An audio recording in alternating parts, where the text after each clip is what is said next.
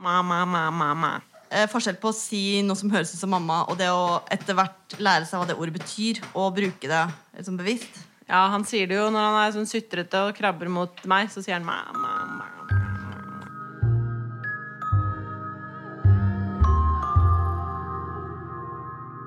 Du hører på Babypodden, en podkast om hverdagen med en nyfødt baby. Med meg, Mari Parelius Wammer. If ønsker alle Babypoddens lyttere en trygg og sikker hverdag. Med barneforsikring i If har du fri tilgang til helsetelefonen, der du kan få hjelp av erfarne sykepleiere døgnet rundt. Husk at en liten forsikring kan utgjøre en stor forskjell. Nattusan Baby, et trygt valg i over 60 år. Prøv Nattusan Bedtime, en egen serie for kveldsstellet. Koser du deg med podkast midt i klesvasken? Babypodden er sponset av Blenda Sensitive, Norges mest solgte parfymefrie tøyvaskemiddel. Blenda Sensitive er tøff mot flekker fra morsmelk, gulp og babybæsj, samtidig som den er snill mot den sarte babyhuden. Tøff mot flekkene, skånsom mot huden. I dag, Anne-Kat., så eh, tenkte jeg at vi skulle snakke om eh, babyens eh, utvikling og motorikk. Det er kanskje et kjedelig tema, men det er det at eh, det er jo det man prater om på barselgrupper og eh, når man snakker med besteforeldre, og alle lurer på Ja, har han begynt å gå enda? Har han begynt å krabbe? Har han Sier fått opp rumpa? Ja. Eh, Så det, det er jo noe man er veldig opptatt av, og det er noe man blir veldig det er noe man blir, kan bli veldig engstelig for hvis man føler at sitt barn henger etter. Og Derfor så tror jeg helsestasjonen får veldig mye spørsmål om akkurat det. Jeg trodde ikke at jeg skulle bli så opptatt av det den gangen her, siden det er barn nummer to, og man, det er jo typisk at man er mest opptatt av sånt første gangen. Men så snudde Sanna seg fra uh, rygg til mage veldig tidlig. Hun var ja, sånn tre og en halv måned. Jeg tror i hvert fall det er ganske tidlig. Og da kjente jeg at, eh, at jeg syntes jo det var litt gøy. Liksom Først i barselgruppa som kunne snu seg på magen og ja, Det er jo vanskelig å ikke liksom, tenke over det i det hele tatt. måte. Og alle spør jo sånn Ja, kan hun snu seg ennå? Og har hun begynt å snu seg? Og, ja. Jeg er typisk inne i den perioden nå da, som jeg nesten ikke får gjort noen ting. Fordi eh, Kasper er jo snart ti måneder. Ja, Han har begynt å dra seg opp for å stå. Eh, Så nå står han eksempel ved beinet mitt mens vi prater, og har dratt seg opp dit. da. Og det er jo livsfarlig. Det er jo den perioden som jeg syns er mest skummel, fordi at de er så ustødige. Og så med en gang du snur ryggen til, så har de dratt seg opp på sofaen, eller dratt seg opp stående ved sofaen. Og så detter de baklengs bakover mot stuebordet og får en fin strekformet kul i bakhodet. Og masse vræling. Ja, for noen ulykker blir det jo. Det er helt umulig å, å unngå alt. Hadde jo noen på besøk som sånn Nei, hun, vi har ikke trengt å flytte på noen lysestaker, eller eh, Vi bare sier at hun skal holde seg unna, så gjør hun det, liksom. Men vi har jo har ikke hatt noe på bordet. Det tok jo liksom to år før vi kunne ha noe som helst på bordet igjen. Og nå har vi måttet begynne å plukke det vekk igjen, da. Sanne har fått veldig lange armer.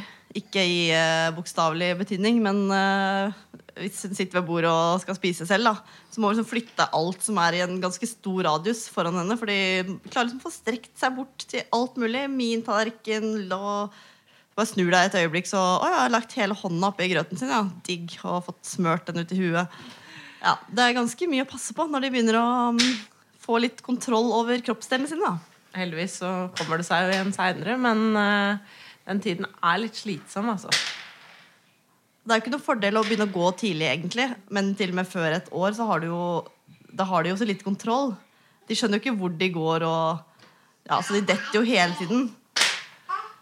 Ja, jeg har hørt om noen som har vurdert å kjøpe sånn fallhjelm til ungene sine, som du setter på unger som er hjerneoperert. Jeg bare Nei, du kan jo ikke gjøre det. Du kan jo ikke pakke ungen din inn i sånn bobleplast. Men det jeg har tenkt på at man burde sette på ungen sin, er jo sånn mikrofiberklut eller sånn eh, moppesystem. Fordi eh, når de begynner å krabbe, så kommer de seg jo fram overalt og får dratt med seg så mye støv som har gjemt seg i de krokene hvor ikke vi kom fram.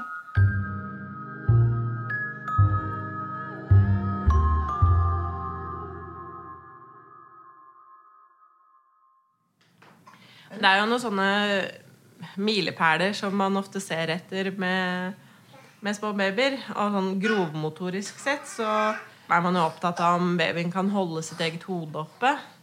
Og, For det er noe av det første. ja, det er noe av det første som man liksom ser etter, og det, det gjør de fleste rundt to måneder. Det er i hvert fall sånn gjennomsnittstiden, da.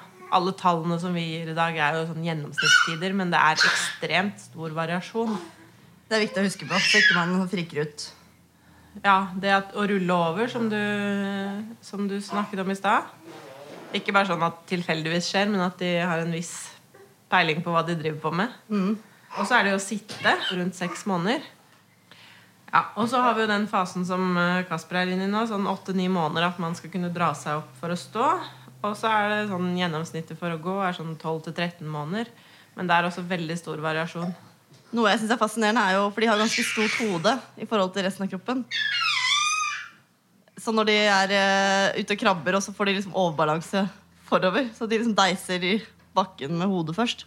Det ser jo liksom litt sånn dinos dinosaurer. Vi er tross alt gutte, guttemammaer, så vi lærer mye om dinosaurer.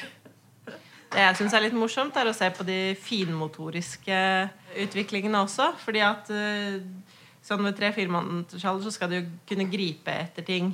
Pinsettgrep er det vanlig at de lærer seg sånn rundt åtte til ni måneder. Og det er morsomt å sitte og se på at de prøver å plukke opp maiskorn eller eh, små biter med andre ting. Og klarer å få det styrt til munnen. Pinsettgrepet kan jo være til litt bryderier òg, fordi eh, min iallfall plukker jo opp absolutt alt som fins på gulvet av små bøss. Der driver han og roter med støvsugeren eh, som ligger ute, og det er en grunn til at den ligger framme, fordi man må jo støvsuge hele tiden for at han ikke skal spise bitte små biter av vedbøss eller eh, andre matrester som han selv har kasta på gulvet.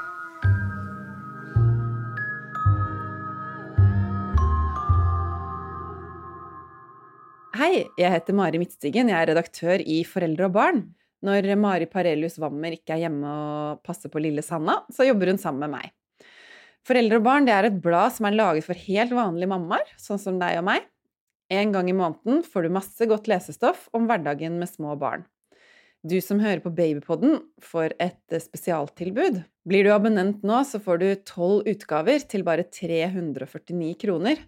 Send SMS med kodeord 'podkast' til 2205. Det er 'podkast' med C til 2205.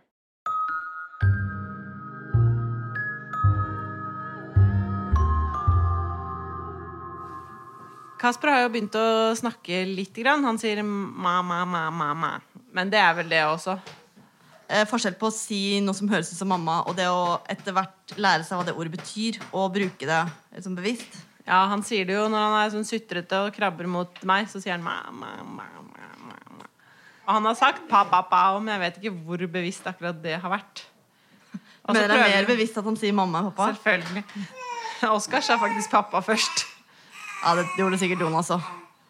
Sanna er jo for liten, men jeg merker veldig godt hvordan lydene har utvikla seg fra starten, og sånn spesielt siste to månedene, hvor det har blitt veldig sånn høye Veldig mye høye lyder. Og at lydspekteret hennes er blitt mye breiere, på en måte. At hun hører veldig forskjell på når Nå kan jeg nesten høre når hun er trøtt, og når hun er sulten, og hun er irritert. Og, ja, for ikke snakke om alle de gode lydene. De gledeshylen og vinen og Jeg syns jeg har sett ganske stor forskjell på Sanna siste måneden på hvordan hun bruker både stemmen sin og hendene sine og kroppen sin for å prøve å få tak i det hun vil, og ta tak i masse ting. Og jeg synes det er veldig mye som har skjedd nå. Ja, fra liksom fem måneder og til nå, da. Det er veldig gøy å følge med på hvordan utviklingen går. Både på sine egne og andre, andres unger, egentlig. Jeg har jo vært bekymra for at hun aldri kommer til å lære seg å gå fordi hun hater å ligge på magen. Det er jo en eh, baby i barselgruppa som jeg har vært skikkelig misunnelig på. Fordi han har ligget kjempelenge på magen og gliser og kan ligge og liksom se. Den eneste gangen Sanna gidder å ligge på magen, er hvis hun har noe ekstremt spennende foran seg. Men det går også framover. Nå ligger hun jo lenger på magen enn det hun gjorde for bare et par uker siden. Ja, det er sant. Jeg skjønner at det er veldig irriterende å ligge på magen fra starten av. Fordi det er jo så slitsomt for dem når de skal prøve å holde hodet oppe og holde kroppen oppe. Men det anbefales vel at man begynner å legge babyene på magen helt fra de er nyfødt. At de skal trene litt. Ja, Og da er det ikke lenge. F.eks. hver gang du skifter bleie, at du kan legge, eh, snu babyen din litt på magen. Men når de begynner å klage, så skal du ta de opp, for det er ikke meninga at de skal ligge og synes at det er helt forferdelig, for da, det fører jo ikke noe godt med seg. Hyppige mageleier på ulikt underlag fikk jeg tips om. Ja. Nå ligger hun ganske lenge på magen. Spesielt hvis mamma sin telefon er foran. Da er det så spennende.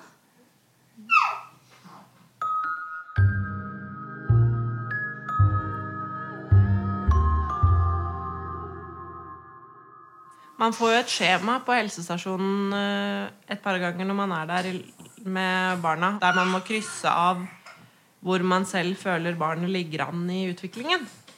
Når er det? Jeg har allerede fått ett for Kasper, og han er ti måneder.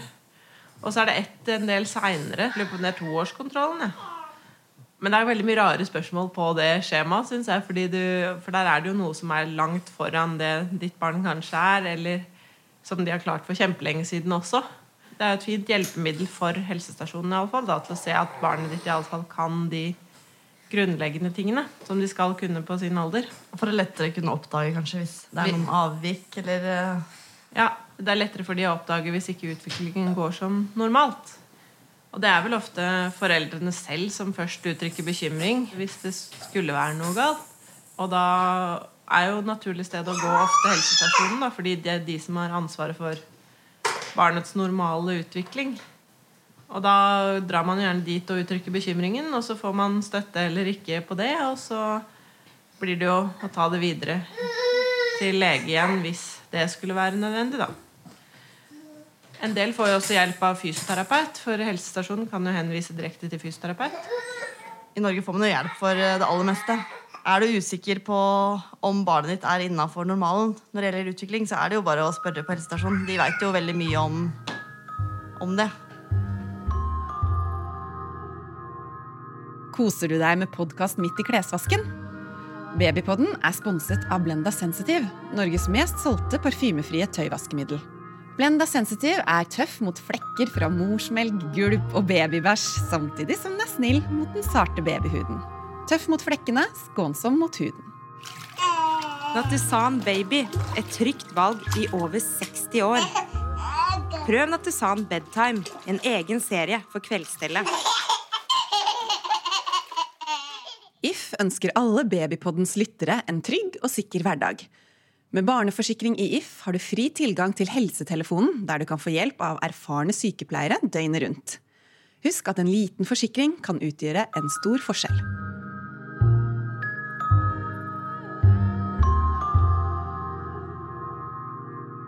Du har hørt på Babypodden, en podkast fra foreldre og barn.